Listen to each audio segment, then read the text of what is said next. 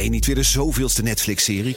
Kom naar de Monday Moves van BNR. Op maandag 18 maart zal op het podium Arend-Jan Boekenstein, Michal van der Toren, Geert-Jan Haan en Bernard Hammelburg. Ze hebben het over geopolitiek. Het is oorlog. Moeten we vechten, vluchten of bevriezen? Onder leiding van mij, Art Rooijakkers. 18 maart dus in het De La Theater in Amsterdam. Check bnr.nl slash mondaymoves. Big Five van de cybersecurity is mede mogelijk gemaakt door HP Wolf Security. Een nieuwe generatie endpointbeveiliging. BNR Nieuwsradio. The Big Five. Diana Matroos. De wereldwijde cyberoorlog is geen ver van mijn bedshow. Het Nederlandse bedrijfsleven zit er middenin. Ik wil weten wat bedrijven, overheden en burgers moeten doen om die strijd te winnen. En daarom ga ik deze week in gesprek met vijf top-experts in BNR's Big Five van de cybersecurity. En vandaag is dat Michiel Swinkels. Hij is hoofdofficier van Justitie en de landelijk portefeuillehouder Cybercrime. Michiel, welkom. Ben je zelf wel eens in een fraudeberichtje getrapt? Goedemorgen. Um, nee, gelukkig niet. Um, maar ik heb wel eens bijna uh, op, een, op een linkje geklikt waarbij je dan denkt: oh nee, ja. toch maar niet. Je herkent het wel. Wat, wat is dan toch iets waarvan jij zegt: dan trap ik daar misschien bijna in? Nou ja, dat is natuurlijk precies wat, wat criminelen doen. Ze weten je te verleiden. Het zijn natuurlijk uh, wat dat betreft hele uh, ja, slimme mensen... die uh, nou berichtjes zo maken dat je denkt... oh, of er is een afschrijving van je bank. en denk je, hè, dat klopt niet. En dan, wil je, en dan zit, zweef je duim boven je toestel en je denkt, oh nee, ja, toch niet? Nee. Ja. En ik kan me heel goed voorstellen dat heel veel mensen dat dan denken nadat je duim al uh, dat linkje heeft opengeklikt. Ja. Uh, ik heb eerder deze week met Inger Bryan gesproken, de CEO van Fox IT. En toen ik zei slimme mensen, want ik dacht ook, ja, ze zijn gewoon slim. Toen zei ze, nee, nee, nee, ze zijn niet slim. Zij fout, fout. Maar foute mensen kunnen ook slim zijn. En volgens mij, ik heb uh, de uitzending uh, beluisterd, zei ze later, moesten toegeven dat er ook hele slimme criminelen zijn. En dat maakt het ook zo ingewikkeld. Want wat was het moment dat jij je echt hiermee bezig uh, ging houden? Want je was al officier van justitie voordat je met cybercrime bezig ging houden. Wat was het moment dat je dacht: dit, ik moet dit oppakken? Ja, ik ben ooit begonnen uh, als officier van justitie. Uh, eigenlijk een beetje klassiek. Uh, met de gedachte: ik ga de georganiseerde misdaad en, en liquidaties, grote overvallen. En ik denk dat dat een beeld is wat nog veel officieren hebben. Hè? De, de, de, kilo's en de kerels, zoals dat dan ja, heet ja. in, het, in ons vak. Um, wanneer het voor mij echt een, een, um, nou, een item werd, uh, is een aantal jaar geleden. Toen werd ik verantwoordelijk voor de bestrijding van kinderporno. En dat was eigenlijk um, toen ook het team High-Tech Crime bij de politie werd gevormd. Uh, en toen zag ik um, wat eigenlijk allemaal zich op het internet afspeelde. en zag ik. En wij hebben toen ook uh, regisseurs voor de kinderpornoteams uh, geworven. Eigenlijk ook uh, uit de pool waar ook de regisseurs voor, vanuit het high-tech crime team mhm. kwamen. En toen zag ik hoe andere disciplines eigenlijk ons konden helpen in de bestrijding van allerlei vormen van criminaliteit. En toen zag ik ook de, de diepere krochten van het internet. ja, en dan dus komt het... je schrok eigenlijk ook een beetje van wat je aantrof? Ik ben daar heel erg van geschrokken. Uh, sowieso als het gaat over het onderwerp kinderporno natuurlijk. Um, maar waar ik ook wel van ben geschrokken is dat er eigenlijk een hele wereld was die ik niet kende. Ja.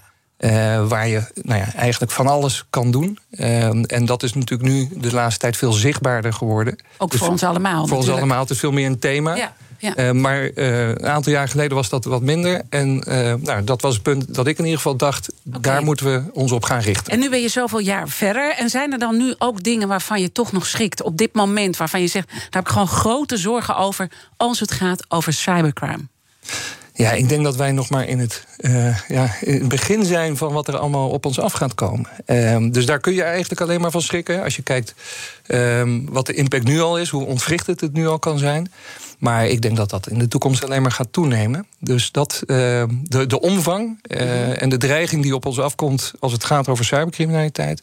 Ja, daar denk ik dat we met z'n allen van moeten schrikken. En als je dan toch even het concreet uh, maakt voor ons allemaal. Want het voelt misschien nog als ver van mijn bedshow. Ik bedoel, we horen wel wat dingetjes. Maar uh, dan hebben we artific artificiële intelligentie, die dan natuurlijk ook enorm gaat uh, ontwikkelen. Eerder deze week had ik het over deepfake. Wat, wat is nou een echte zorg waar jij misschien wel van wakker ligt? Dat je denkt: dit, dit kan gewoon heel snel gaan gebeuren een keer, wat echt fout gaat. Nou ja, als je het hebt over artificial intelligence, uh, dat kan ons helpen in de opsporing. Hè. Laten we dat ook niet vergeten. Ja. Um, maar tegelijkertijd, eigenlijk moet je het zo zien: criminelen gebruiken alles. Het zijn natuurlijk enorme opportunisten. Ze gebruiken alles wat ze kunnen gebruiken om, uh, om geld te verdienen. Um, als je het hebt over artificial intelligence, is straks natuurlijk het gevaar dat niets uh, is meer wat het lijkt. Nou, dat, dat, dat is een, een nou, vind ik niet een fijn beeld. Uh, maar als je het echt hebt over op, op kortere termijn de dreiging of de dreiging die er nu al is, denk ik met name uh, het, het, bedrijfsmatige karakter waarmee sommige criminele organisaties uh, cybercriminaliteit plegen. Um, in, de, in de vorige uitzendingen uh, deze week is het al gegaan over uh, dat, dat er organisaties zijn die uh, zelfs receptionisten hebben, een helpdesk voor als je moet ja, betalen. Ik, ik, moet daar nog steeds van bij komen hoor. Dat er nou ja, klantenservice dat, dat, dat geeft al. Ja. En nou ja, om, om in het verlengde daarvan te spreken, is er recent een artikel geweest van een Amerikaans cybersecurity bedrijf. En die hebben een soort ja, start-up community ontdekt. Een soort Silicon Valley voor cybercriminelen. Die, die die dan ook nog seminars hielden. Hoe je uh, de tips en tricks kan uitwisselen. En waarbij ze zelfs uh, konden investeren in elkaars start-up. Dus, Ongelooflijk. Dus binnenkort word ik als dagvoorzitter gevraagd bij een conferentie over dit soort zaken. Nou, ik denk dat je inmiddels wel de kennis hebt. ja, precies. Ja. Goed, ik zal, ik zal nee zeggen tegen zo'n verzoek, uiteraard. Maar het geeft wel iets aan over die professionaliseringsslag. Daar wil ik later ook met je inzoomen van wat, zou, wat nou die, die type mensen zijn. Maar kunnen wij nou echt op zwart gaan? Ik bedoel, kan het ook echt zijn dat we in, de, in ons vitale uh, hart worden getroffen? Ja, ik denk dat dat meer een vraag voor de echte cybersecurity experts. Um, als ik kijk vanuit, vanuit de criminaliteit bekeken, je ziet dat um, als het gaat over ransomware of, of aanvallen in, in bredere zin, ja, natuurlijk ook de uh, kritieke infrastructuur een target kan zijn. Uh, nou, dat wordt ook beschreven in allerlei rapporten. Um, dus ik denk dat dat, uh, dat is natuurlijk de grote angst van, van heel veel partijen. Intussen zijn we natuurlijk steeds meer online gegaan als gevolg van corona. Dus ik denk dat het ook even goed is om de cijfers te schetsen. Tijdens corona is het aantal cybercrime-delicten fors gestegen. In 2020 met 127 uh, procent. Wat is dan met name de criminaliteit waar het over gaat? Ja, ik, ik vind het eigenlijk wel heel lastig om precies in procenten te spreken. En dat zit hem uh, met name in het feit dat uh, van cybercriminaliteit weten we dat er niet altijd aangifte wordt gedaan. Sterker nog, uh, Centraal Bureau voor de Statistiek heeft een paar jaar geleden berekend dat maar in 8% aangifte wordt gedaan. Nou, als je dat als uitgangspunt neemt, misschien dat het nu iets meer is. En is dat dan omdat het ook misschien niet zoveel zin heeft om aangifte te doen? Het leidt uiteindelijk toch niet tot een zaak of tot een veroordeling? Ja, dat is een beetje gissen. Uh, ik denk dat er een paar oorzaken kunnen zijn waar, waar dan over wordt gesproken. Mm -hmm. uh, dat zit uh, deels in uh, de politie en justitie kunnen er toch niets mee. De, de daders zitten in het buitenland. Uh, deels zal het zitten in uh, ik heb geen zin in het gedoe. Uh, deels zal het zitten in dat mensen zich, uh, zeker, ik had het net over die linkjes die je dan krijgt. En eigenlijk is dat gewoon een poging al tot, tot oplichting. dat mensen die negeren en denken mm -hmm. van nou, het, het zal wel. Ehm, dus dat kunnen oorzaken zijn. Ehm, zeker als het gaat om bedrijven. ik weet dat dat ook in Amerika een grote rol speelt. reputatieschade. Ja, je wil dit natuurlijk niet naar buiten. Die willen ja. dat niet naar buiten.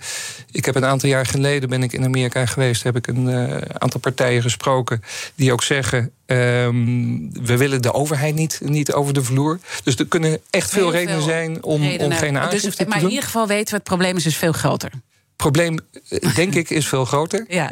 Um, en ja, tegelijkertijd weten we ook inderdaad uh, vanuit de cybersecurity-wereld uh, de schades die er zijn, nou, die lopen echt in de miljarden.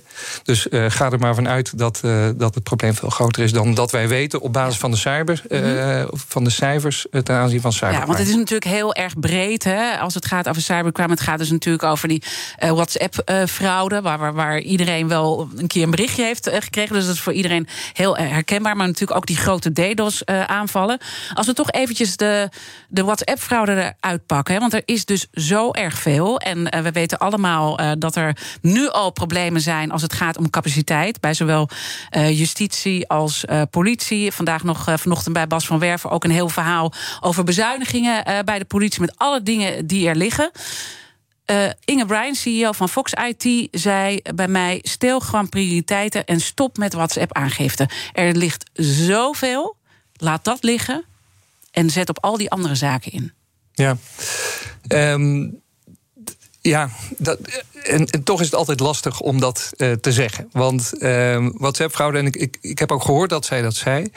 Uh, en, en wat zij aangaf was, ja, dat moet je nu wel weten. Uh, en tegelijkertijd is er gewoon een hele grote groep Nederlanders die dat niet weet. En met name de ouderen zullen daar denk ik wat. En die, die minder cybervaardig zijn, zullen daar wat makkelijker intrappen. Uh, het werd ook vergeleken met de babbeltruc. En ik vind dat uh, ook als overheid moeten we ook die kwetsbare groep, die wat minder cybervaardig is, moeten we ook beschermen. Dus ik, ik zou niet willen zeggen, daar moeten we geen prioriteit aan geven. Uh, en tegelijkertijd kunnen we niet overal prioriteit nee, want dat, aan geven. Dat is natuurlijk het lastige. Ja. Het is zo ontzettend veel dat je misschien ook keuzes moet maken. Want hoe erg dat ene ook is, misschien is dat andere wel misschien nog veel erger. Nou, ik denk dat, dat uiteindelijk. Um, en helaas is de realiteit zo dat wij uh, eigenlijk de hele dag uh, keuzes maken, schaarste aan het managen zijn. Mm. Um, en dat het uh, met name erom gaat, hoe zet je die capaciteit in? En zeker bij WhatsApp-fraude denk ik dat, dat je goed moet kijken dat de kansrijke zaken waarbij je verdacht op het spoor bent en, en waar je daders kan pakken, dan moeten we dat zeker doen. Want ik denk dat je daarmee ook een stevig signaal kan afgeven. Alleen zal er ook heel veel energie moeten worden gestopt. En dat hoeft niet altijd politiecapaciteit te zijn in voorlichting en het voorkomen van dat soort nou ja, en misschien ook wel meer eisen gaan stellen aan het bedrijfsleven, bijvoorbeeld aan de banken, om veel meer checks en balances in te bouwen. En bijvoorbeeld, uh, de, nou ja, Inge Brian gaf er ook een aantal voorbeelden van. Weet je, als je nooit naar een bepaald nummer iets hebt uh, overgemaakt, dat je dat dus dan gaat melden bij die persoon. Verklopt het wel? Ja, nou, ik denk dat dat, een, dat dat zou een stap kunnen zijn. Het is nooit, he, daar ligt de oplossing. Het is altijd een combinatie van. Um, en uiteindelijk. Uh, en, en, dat werd ook benoemd, is het altijd een, een, een, een afweging tussen consumentengemak uh, en veiligheid. Want elke veiligheidsmaatregel kost soms een extra stap. Een extra uh, identificatie of een uh, extra check op andere wijze. Um, ja, en, en mensen moeten dat ook willen. The Big Five. Diana Matroos. Mijn gast vandaag is Michiel Swinkels. Hij is hoofdofficier van Justitie en landelijk portefeuillehouder cybercrime. En we praten over cybersecurity natuurlijk deze week. Uh, laten we wat meer inzoomen ook op het uh, MKB. Want uh, onlangs kwam in het nieuws dat ransomware ook kleine ondernemers keihard raakt. Krijgen jullie die signalen ook? Die signalen krijgen we. We krijgen niet altijd de aangifte. Dus het, uh, het, het, de melding uh, en, en, via de cybersecurity bedrijven horen we dat het uh, 60, 70 procent heb ik wel eens gehoord van het MKB dat, dat er last van heeft. we krijgen niet alle aangiften. Ook weer vanwege al die oorzaken die je eerder benoemde. Hè? Dus het kan ook imagoschade zijn. Ja, of geen gedoe, geen politie over de vloer, je systemen niet kwijt. Ja. Dat. Wij hebben natuurlijk heel veel ondernemende uh, luisteraars en ook veel ondernemers. Uh, wat, wat zijn nou de problemen waar ondernemers in de praktijk tegenaan lopen? Ook om de ogen te openen van de mensen die het gelukkig nog niet hebben meegemaakt. Ja. Nou ja, ik denk dat het, uh, het grootste probleem is dat er onvoldoende besef is dat het je gewoon kan overkomen. En uh, vaak, uh, en, en eigenlijk niet vaak, altijd op het moment dat je het merkt, is het al te laat. Want wat we uh, in ieder geval weten, is dat bij een aanval met ransomware de criminelen vaak al langer in je systeem zitten. En die maken een keurige analyse van je bedrijf, kijken nou, hoeveel geld er is. Dus ook als er losgeld wordt gevraagd, ja, dat is nooit zomaar een bedrag. Ehm, dus dat besef is denk ik uh, nog onvoldoende bij, uh, bij ondernemers. En wat voor dingen kunnen dan in de praktijk misgaan? Noem eens wat voorbeelden van ondernemers die getroffen zijn. Nou ja, het belangrijkste is natuurlijk dat je je bestanden kwijt bent. Uh, maar je wordt uh, ook met, met uh, gegevens af, hè, data die, die weg is gehaald. Maar je hebt natuurlijk veel meer vormen van cybercriminaliteit. We hebben de CEO-fraude gehad, waarbij betaling werden, dus opdrachten tot betaling werden gegeven door criminelen die zich in een netwerk, in het netwerk hadden genesteld. Ehm, nou, er zijn verschillende vormen van cybercriminaliteit. En eigenlijk is het zo dat, dat elk thema wat we daarin benoemen. Is ook al heel snel weer verouderd. Want je ziet dat, dat al die vormen van cybercriminaliteit ook vermengen. Ja. criminelen, wat ik net zei, zijn erg opportunistisch. maar daarin ook best slim. Ja, want die professionaliseringsslag die heb ik ook eerder deze week. En we hebben de klantenservice al even benoemd. Waar, waar, waar echt iedereen van denkt: het is toch bizar dat die. Nou, je, je, wordt keurig geholpen hoe je bijvoorbeeld een Bitcoin wallet uh, gaat aanschaffen. Omdat je de betaling vaak in Bitcoins doet. En niet iedereen weet hoe dat gaat. Nou, willen ze je prima bij helpen. Ongelooflijk. Ik, ik ben er echt een beetje stil van. Uh, betalen veel bedrijven ook dat losgeld? Ja, ook dat is voor mij uh, niet heel duidelijk. Ik, uh, uh, daar zijn niet echt exacte cijfers over.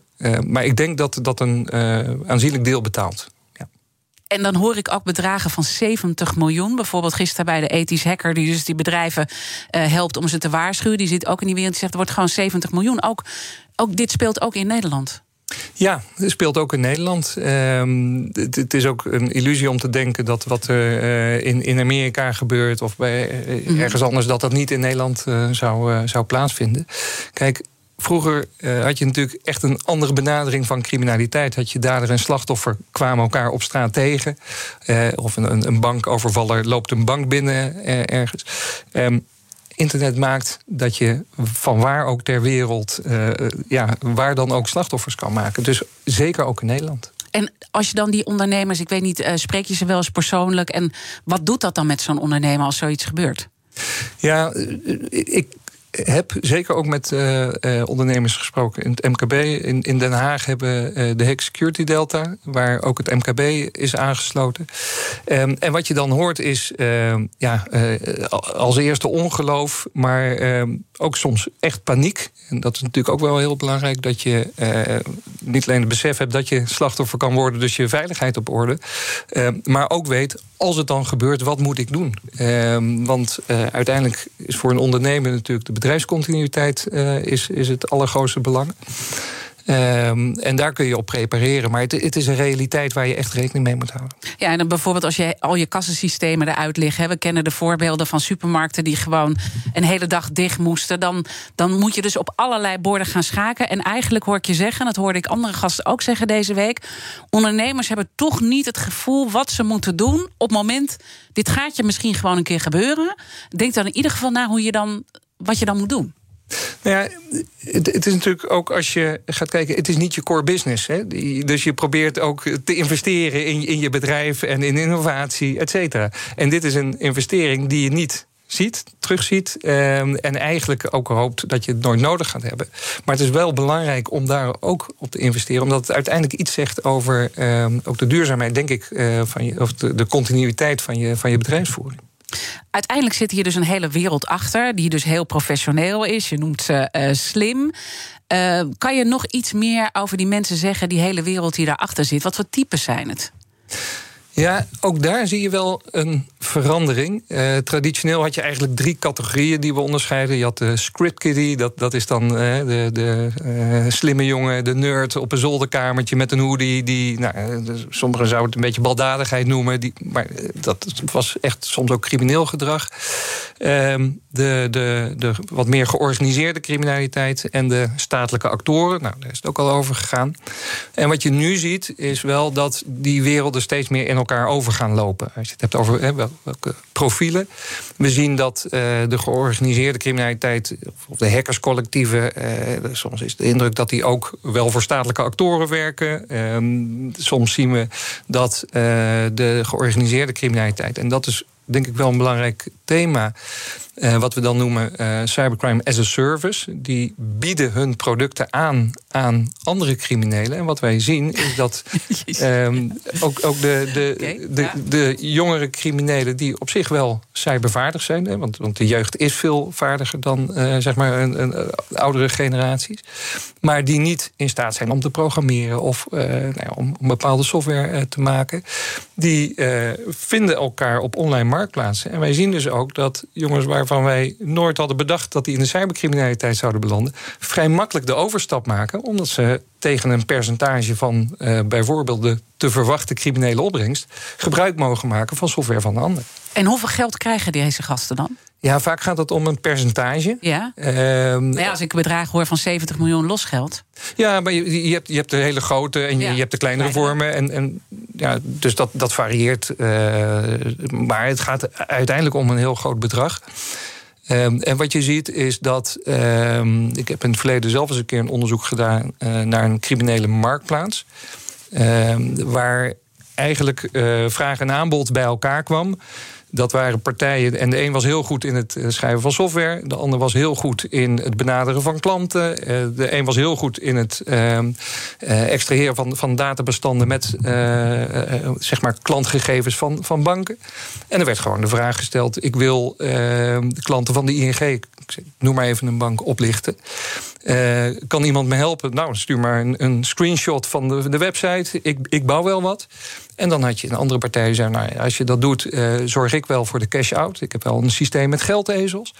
En dat waren partijen die elkaar niet kenden, eh, waarvan ze ook, ook op internet anoniem met elkaar communiceerden. Maar je kon elkaar ratings geven. Dus je wist, nou, die Ze krijgt hebben over. geleerd van Booking.com. Die krijgt over het algemeen vijf sterren. Dus dat is een betrouwbare partner. En, en eh, nou ja, je wil ook daar op die eh, marktplaats betrouwbaar blijven. Dus je levert. Eh, dus dat was hoe ze elkaar konden vertrouwen. Dus dit is echt, eh, je zegt een professionaliseringsslag, maar dit is gewoon echt een serieuze economie. Dit is een serieuze economie. Ja, Hoe groot is die economie? miljarden. Miljarden. Maar, maar kan je een bandbreedte... nee, maar dit- het- het- En dan- heel, heel veel speelt zich. Ik zei net al, als het puur gaat om eh, de cijfers van cybercriminaliteit, zien we maar een topje van de ijsberg. Maar ik denk sowieso, als we alle gegevens die we hebben bij elkaar leggen, zien we nog steeds maar een, een topje van de ijsberg. En, en veel speelt zich ook nog af buiten ons zicht. Ehm, maar het, het is een heel groot probleem. En als je dan zegt een heel groot probleem en dan toch niet helemaal kunnen inschatten hoe groot het nou precies is. Het is groot, het is een serieuze economie, maar hoe groot het. Geeft het ook een beetje aan dat overheidsinstanties toch een beetje achter de feiten aanlopen en de crimineel misschien. Ja, is misschien een, een, een, een, pijnlijke vraag, want jij moet het natuurlijk opsporen. Daar gaan we straks ook over praten. Maar Ja, achter de feiten aanlopen. ehm, eh, zeker als het gaat over opsporing, loop je altijd achter de feiten aan. Eh, dat, dat is eh, een beetje inherent aan het werk. En wat we wel proberen is steeds meer aan de voorkant te komen, zoals dat heet, om te voorkomen dat er strafbare feiten worden gepleegd. Ehm, wat het voor mij maakt, is ehm, eigenlijk twee dingen. Eh, criminaliteit zal er altijd bestaan. Je zal het nooit oplossen. En ik maak wel eens de vergelijking: je hebt een mooie tuin, de samenleving, en er zal altijd onkruid zijn en je moet blijven wieden. Als je daarmee stopt, overwoekert de tuin, eh, is het een puinhoop. Ehm, maar waar het met name om gaat, is denk ik, met dit soort nieuwe vormen van, van criminaliteit, is dat je eh, moet zorgen dat je eh, het fenomeen begrijpt. Nou, ik denk dat we inmiddels wel de kennis hebben. Ehm, je hoeft niet precies de omvang te weten om te begrijpen wat het fenomeen inhoudt. En je moet adaptief zijn en daarop kunnen inspelen. En, en dat is denk ik de fase waar we nu naartoe moeten. Ehm, het besef dat we dit als, als Openbaar Ministerie en politie als opsporingen zeker niet alleen kunnen. En nou ja, eigenlijk, en die oproep heb ik eh, afgelopen week vaker gehoord. Eh, een integraal, eh, Ja. integrale aanpak met elkaar. Ik stel voor, want dit is heel belangrijk, dat ik met mijn gast Michiel Swinkels, hoofdofficier van Justitie, daar zo meteen verder over praat. Ook als het gaat om opsporing, maar ook om die betere samenwerking. Tot zo. Het Eneco Klimaatreport van deze week komt uit Amsterdam. Ik ben Pascal en ik sta hier met de oprichter van Wikkelhuis op de werkplaats. Oep, wat zie ik hier? Ja, je ziet allemaal huisjes. Ja, En welke rol speelt energie-efficiëntie in jullie ontwerp- en bouwproces? We bouwen alleen maar met hernieuwbare materialen. Maar het leukste is dat we eigenlijk eh, zonne-energie gebruiken voor onze elektriciteit. We hebben duizend zonnepanelen op ons dak van de werkplaats. Duizend zonnepanelen, dat zijn er een hoop. Ik kan me voorstellen dat er veel stroom vanaf komt. Ja, er komt een enorme bak met stroom uit. En soms in de zomer is dat ook te veel. En daarom werken we samen met eh, Eneco, met het eh opwek optimaal systeem. En wat doet dat systeem? Een soort dimmer, dat als er te veel stroom is, dat je dat zeg maar wat terug eh, reguleert, zodat er geen netcongestie ontstaat, want dan zou alles eh, vastlopen. Eh, juist de balans op het energienetwerk. Ja, precies. En zo werkt Wikkelhuis samen met Eneco aan klimaatambities. Is het ook iets voor jouw bedrijf? Check dan eneco.nl slash klimaatambities. BNR Nieuwsradio. The Big Five. Diana Matroos. Welkom bij tweede halfuur van BNR's Big Five. Deze week praat ik met vijf kopstukken uit de wereld van de cybersecurity. Morgen sluit ik deze week af met mijn gast Jaya Balou. Uh, zij is de voormalig CISO van KPN. En uh, zij praat over een cyberoorlog die gaande is. En ze noemt het ook wel de derde wereldoorlog. Zeer boeiende gast ook om naar te luisteren morgen. Mijn gast vandaag is Michiel Swinkels. Hij is hoofdofficier van Justitie en landelijke portefeuillehouder cybercrime.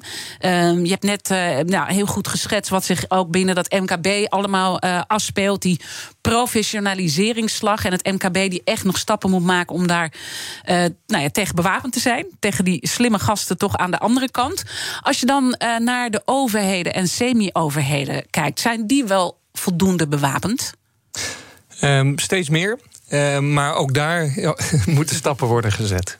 En ik denk dat dat eigenlijk voor alle organisaties geldt. het besef is nog niet overal uh, daar dat, uh, nou ja, dat, dat cybercriminelen uh, misschien al wel binnen zijn. Kun je daar wat voorbeelden van noemen waar je dat merkt?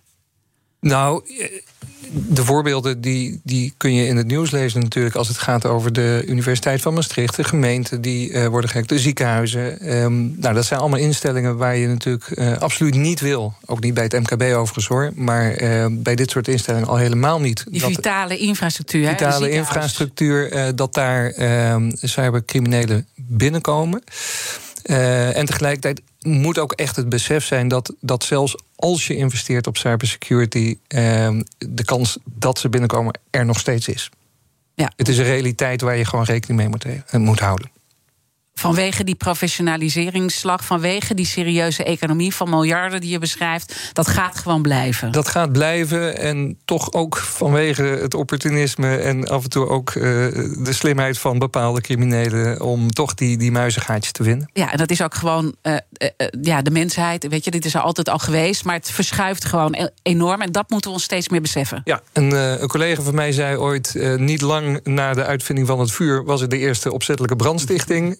Eh, nou, als je die parallel doortrekt, uh, niet uh, alles wat wordt uitgevonden levert een ja, mogelijkheid voor criminelen op. Ja, en dan de, besloot ik het eerste deel van ons gesprek voor, voor het nieuws met het stuk van lopen we niet toch een beetje achter de feiten aan? Toen zei je ja, in opsporing loop je altijd achter de feiten aan, maar moeten we niet ook eerlijk vaststellen dat we er gewoon te weinig mee bezig zijn geweest op alle fronten? Nou, ik denk dat we met name uh, moeten vaststellen dat we er heel erg mee bezig moeten gaan. Uh, terugkijken heeft niet zo heel veel zin. Het is een ontwikkeling die uh, natuurlijk gaande is. je ziet dat het besef er wel steeds meer komt. Ehm, en nou ja, ik vind het een mooi voorbeeld wat de CSR, de Cybersecurity Raad, nu adviseert. om nu echt te komen tot een integrale weerbaarheidsstrategie. waarin op verschillende pijlers wordt samengewerkt, waarin uh, gekeken wordt naar opleiding, waarin uh, het bedrijfsleven wordt aangespoord om producten veilig te maken die aan internet worden gehangen. Als je kijkt naar uh, Internet of Things, hoeveel apparaten straks aan het internet hangen, het, het, zijn er nu al ja. meer dan. Doe jij ze zelf de deur uit, of heb je ze überhaupt staan? Uh, uh, heel beperkt. Uh, maar waar, ook, ook daar gaat het weer om gebruikersgemak. Ehm, als eh, je een smart TV hebt waar standaard de code 4 keer 0 is. Ehm, ja, en, en, er is geen incentive om dat te veranderen. En, en dat is eigenlijk natuurlijk wat, wat het gros van de, van de consumenten gewoon niet verandert. Ja, dan creëer je overal kwetsbaarheden. dus, dus dat is een pijler. maar ik denk het belangrijkste advies van de CSR is informatie delen de regie daarop. En voor mij heel belangrijk is dat de CSR ook aangeeft dat uh, versterking van de strafrechtketen um, uh, een belangrijke rol moet krijgen. Dat daar ook uh, duurzaam in moet worden -hmm. geïnvesteerd. Um, en dat is wel een punt wat ik wil benadrukken. ook daarin. Zijn we nog iets te gefragmenteerd bezig. Je hebt, je hebt het thema cybersecurity en je hebt het thema cybercrime. En ik denk dat het belangrijk is om dat aan elkaar te koppelen. En dat je eigenlijk moet zeggen: uh, cybersecurity kan er niet zijn zonder een goede bestrijding van cybercriminaliteit. En dat zit heel erg in die informatieuitwisseling. Want dat zei Inge Bryan, de CEO van Fox IT ook. Daar was ze echt keihard in. Van we doen dat ook echt vreemd in, ten opzichte van andere landen. We zijn daar heel uh, krampachtig in. En zolang je dat dus niet gaat uitwisselen, los je dit probleem gewoon niet goed op. We moeten samenwerken. Ja, en. Um, daar, daar liggen een aantal oorzaken uh, aan ten grondslag waarom dat nog niet zo goed gaat. Ik denk dat we, wat, ik, wat ik zei, echt in de ontwikkeling zijn. Uh, dat er veel wordt samengewerkt, maar wel nog vanuit onze eigen silo's. Uh, ik denk dat er ehm, regelgeving is die ons beperkt uh, in het uh, delen van informatie. Nou, daar wordt druk aan gewerkt. Soms hebben wij het idee dat we geen informatie mogen delen. Het zal wel niet mogen, maar dan mag het wel. als ik kijk naar de opsporing, moet ik ook een beetje de hand in eigen boezem steken. Zijn wij natuurlijk niet van nature geneigd om informatie te delen opsporingsbelang is altijd groot. Dus, dus je, daar moeten wij een slag in maken. En ik denk ook in, in de private sector dat, dat ook daar. Um, nou ja, ook niet van nature informatie wordt gedeeld, omdat daar misschien ook concurrentie uh, over Ik denk dat iedereen daarin een stapje zou moeten zetten. Een stapje om gewoon, uh, uh, hou het niet bij jezelf. Ook, ook richting het bedrijfsleven. Van deel de, de lessons learned en deel waar de dingen fout gaan. Want ook bedrijven willen dat niet graag delen natuurlijk. Ja, nee, in, in die zin onderschrijf ik erg wat, uh, wat, wat Inge bijvoorbeeld zei. Met, met de cyberweerbericht. Ik denk dat dat, dat, dat heel goed zou helpen.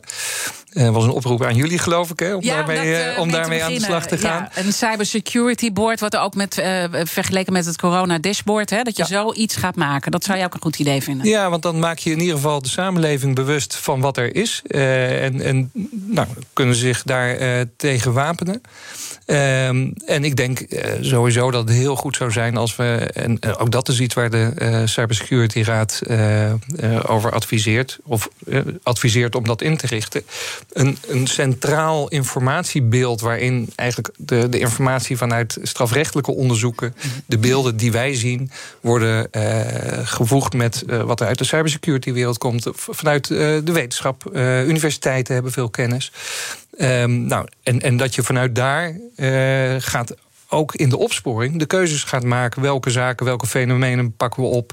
Uh, wat ik al zei, hè, net, uh, we hebben een aantal thema's uh, hebben we benoemd. WhatsApp-fraude, CEO-fraude. DDoS-aanvallen. DDoS. Maar in de praktijk zie je dat dat heel snel zich ontwikkelt. Als we kijken naar ransomware, wat nu dan een heel groot thema is. Een aantal jaar geleden was dat een veel minder groot thema. Uh, toen hadden we met name consumenten die daar de uh, dupe van werden. Nou, die, die werden dan gevraagd om, om 50 dollar uh, te betalen. Nou, dat was ook bewust, want als de drempel. 50 dollar is niet zoveel, de meeste mensen kunnen dat missen. Dan ben je eerder geneigd om die 50 dollar te betalen dan naar de politie te gaan. Ehm, en nu zie je dat de bedragen veel groter worden. En dat, uh, dat dat zich heeft ontwikkeld naar echt uh, professionele businessmodellen uh, waar, waar bedrijven de dupe van zijn. En daar zag je natuurlijk ook, denk ik, een heel treffend voorbeeld bij Kaseya, hè, die grote ransomware aanval, waar um, ja, ook echt helemaal die analyse werd gemaakt, maar waar ook dan uh, verzekeringsgeld ook een rol speelt. Hè. Een heleboel bedrijven zijn ook verzekerd om dat losgeld uh, te betalen moet je dat ook niet uit het systeem gaan halen? Want daarmee maak je ook de bedrijven misschien een beetje laks. Ja, um, Kijk, losgeld uh, wel of niet betalen. Uh, het standpunt van in ieder geval het Openbaar Ministerie en de politie is: mm -hmm. doe dat niet. Want um, niet alleen maak je bedrijven laks, uh, je zorgt ook dat dat businessmodel blijft draaien. en wat we zien is dat het losgeld wat wordt betaald ook wordt gebruikt ook door de criminelen, om te innoveren. Uh, dus, dus het wordt gewoon weer geïnvesteerd. Ja, precies. Um, dus daarom um, uh, is, is ons standpunt uh, niet betalen. en tegelijkertijd snap ik soms voor ondernemers, organisaties, dat dat een duivels dilemma is. En want dan zit je natuurlijk ook van ja, gaan ze dan maar opsporen. Daar wil ik straks nog uh, met je over praten. Van even aan een concrete case van hoe gaat nou zo'n opsporing ja. als uh, iemand in het buitenland zit. Maar nog even uh, om dat deel richting de politiek af te ronden. En, en ook de, de CSR die je benoemde, hè, die daar ook een aantal adviezen. Tineke Netenbos is daarbij betrokken. En Hans de Jong, als ik het wel zeg, die, die club voorzitter. Uh, merk je dan dat er in politiek Den Haag dan nu wel het gevoel van urgentie bestaat? Want uh, als ik Inge Bryan zo beluisterde, had zij dat gevoel niet helemaal. Het schuift wel iets op, maar het is echt een beetje te weinig. Ja, ik ben wel geneigd om dat met Inge eens te zijn. Eigenlijk best wel vaak, uh, merk ik. Nee, wat, wat, nee, ik denk dat uh, ook als je kijkt, en, en we moeten kijken, hè, we hebben nu uh, fiches ingediend, zoals dat dan heet, uh, samen met de NCTV en, en het ministerie van Justitie en Veiligheid, ook over de, de aanpak en de bestrijding van cybercriminaliteit en wat daarvoor nodig is. Mm -hmm. um, nou, dat is met name voor het nieuwe kabinet. dus we moeten even kijken wat daar uiteindelijk uh, van terecht komt. Maar dan gaat het echt over honderden miljoenen. Ook, de CSR heeft daar een, een, een bedrag bij benoemd. Um, wat ik uh, zie is tot op heden is daar in ieder geval vrij ook weer gefragmenteerd aandacht aan besteed. Als je kijkt naar de investeringen in de politie de afgelopen jaren, dan was dat. Uh, we hebben uh, vanochtend in de uitzending hiervoor uh, beluisterd dat er weer bezuinigd moet worden. Maar dan zie je dat er vaak wordt gewerkt met gelabeld geld. Dus de politie heeft geld gekregen voor het optuigen van cyberteams. Nou, dat, dat werkt in de praktijk heel goed. Daar is echt heel veel kennis en expertise. Um, alleen het Openbaar Ministerie zie je vervolgens worstelen met de zaken die we krijgen, omdat wij een tekort aan officieren hebben. Um, dus, um, nou, en dan is ook niet de oplossing om ons alleen geld te geven, want dan zul je vervolgens weer zien dat de rechtspraak, uh, die hebben nog niet de rechters. Dus mijn oproep is ook echt om uh, in die hele strafrechtketen te investeren, langdurig. Um, en dan, um, ja, maar goed, dat moeten we zien. En waar ik een beetje bang voor ben, en dat zie je bijvoorbeeld, uh, ander thema is de ondermijning. Daar is nu, uh, ook met de Prinsjesdaggelden, uh, hoor ik geld voor. Alleen, daar zie je wel de reflex, er moet echt iets heel ergs gebeuren. In dit geval de moord op Peter R. de Vries. En dan zie je dat de Kamer zegt, uh, kabinet. U moet ben je nu een beetje bang voor dat dit dus ook op die manier gaat uitlopen? Dat er eerst dus iets dat we op zwart moeten gaan? Ja voordat we echt wat gaan doen. Ja, dat is mijn angst. Ja. Zometeen praat ik verder met Michiel Swinkels. Hij is eh, portefeuillehouder cybercrime bij het OM. Hij is hoofdofficier van justitie in BNR's Big Five van de cybersecurity. Praat ik met hem.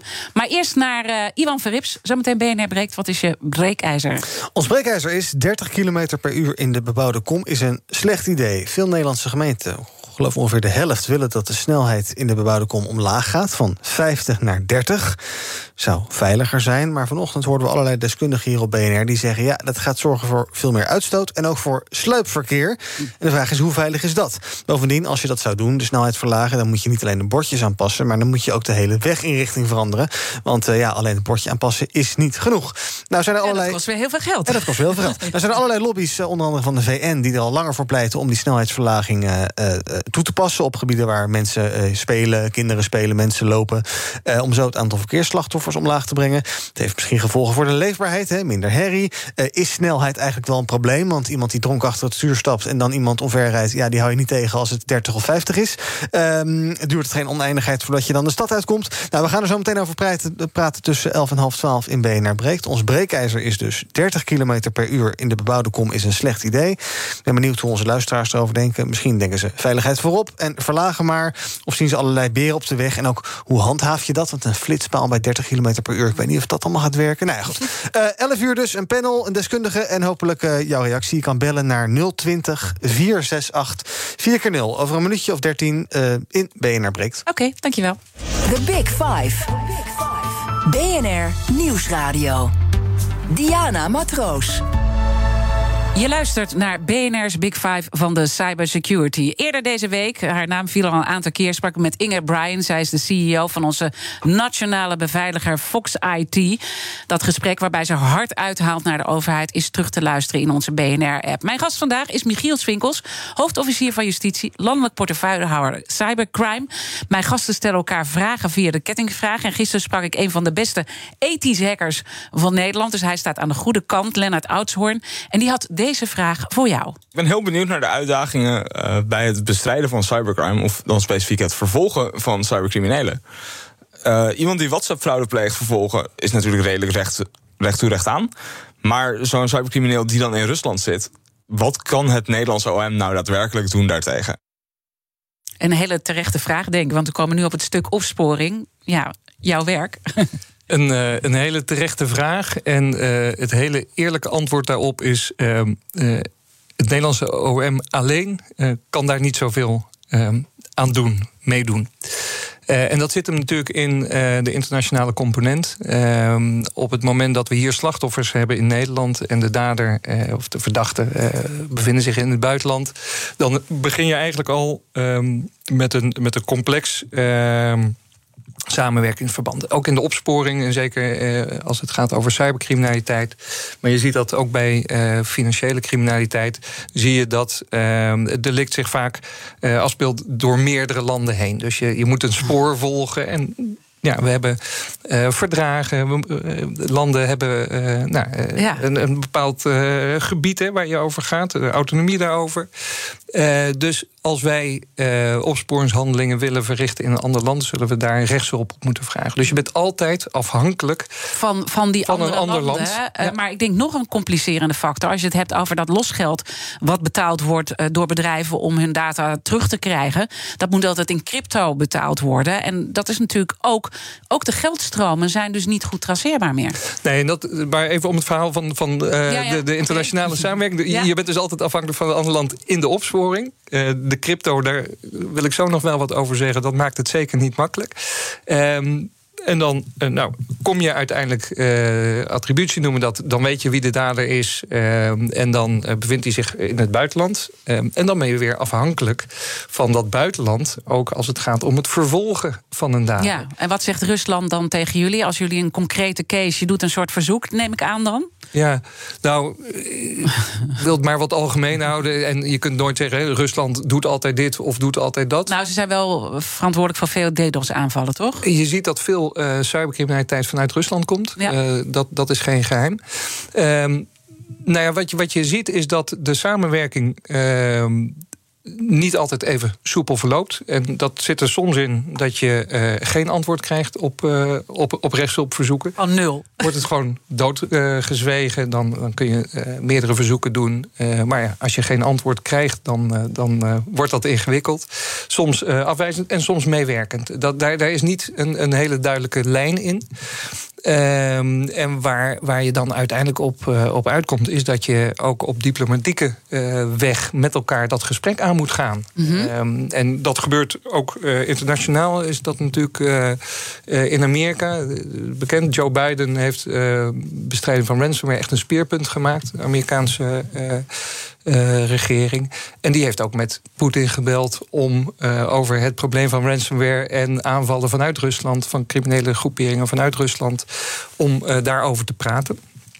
En, en dan zo'n gesprek gaat dan van uh, laat onze vitale infrastructuur met rust en verder laten we daar dan afspraken over maken. Moet ik dat een beetje. We mochten niet meeluisteren, maar ik denk dat het in ieder geval dat soort thema's zijn wel besproken. Ja. Um, en ja, dat, dat, dan gaat het over de vitale infrastructuur. Wat ik heb begrepen is dat daar inderdaad is gezegd, nou laat die met rust. Uh, op zich natuurlijk wel gek, hè?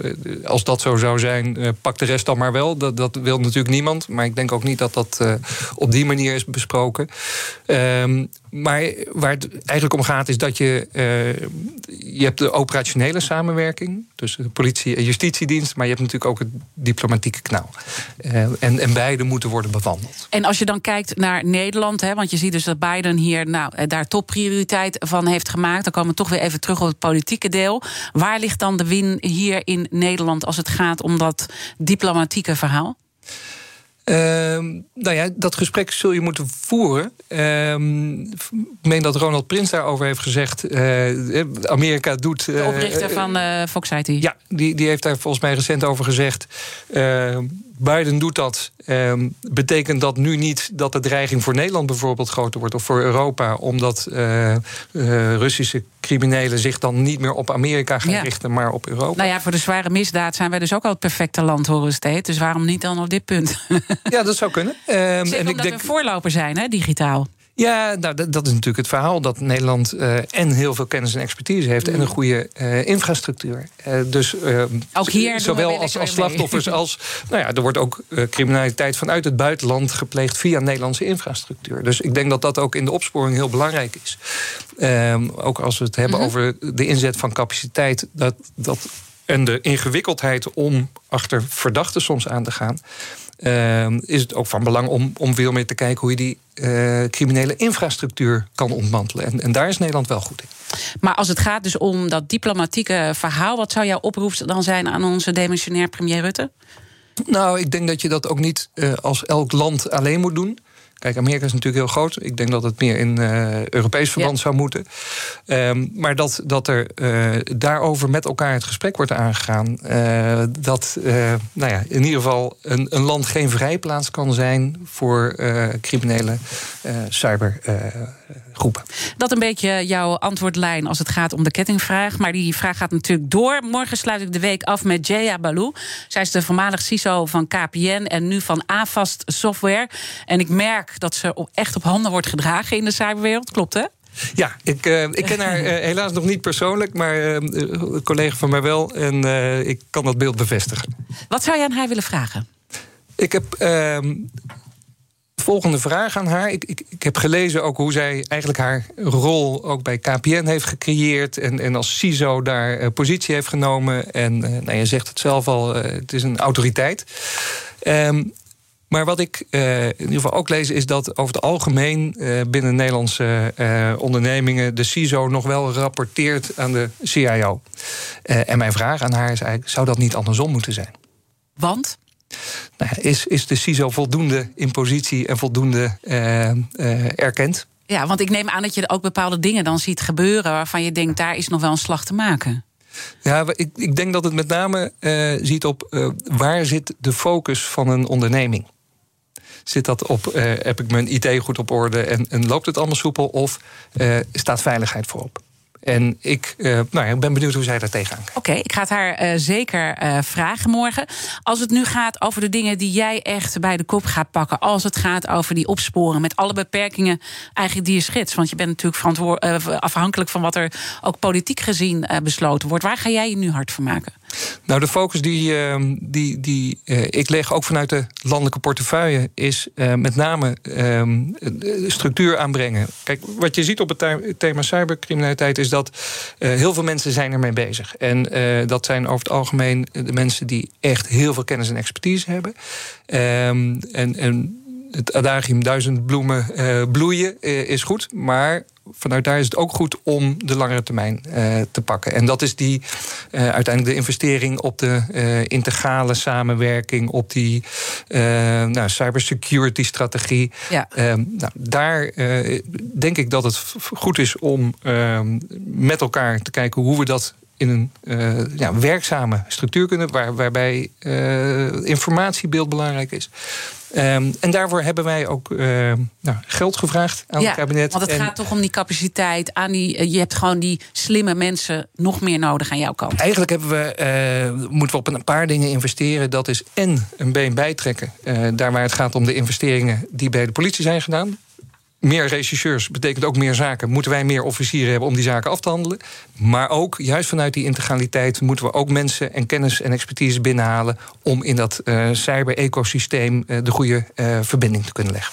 Ik wil je heel hartelijk danken voor al jouw inzichten. Michiel Swinkels, hoofdofficier van Justitie... en landelijk verantwoordelijk voor de bestrijding van cybercrime. Uh, alle afleveringen van BNR's Big Five zijn terug te luisteren. Je vindt de podcast in onze BNR-app en uiteraard op bnr.nl. Maar blijf live. Zometeen Iwan Verrips met BNR Breekt. Praat overal mee. Ik wens je een mooie dag. BNR Big Five van de cybersecurity is mede mogelijk gemaakt door HP Wolf Security. Een nieuwe generatie endpointbeveiliging. Je hebt aardig wat vermogen opgebouwd. En daar zit je dan, met je ton op de bank. Wel een beetje saai, hè?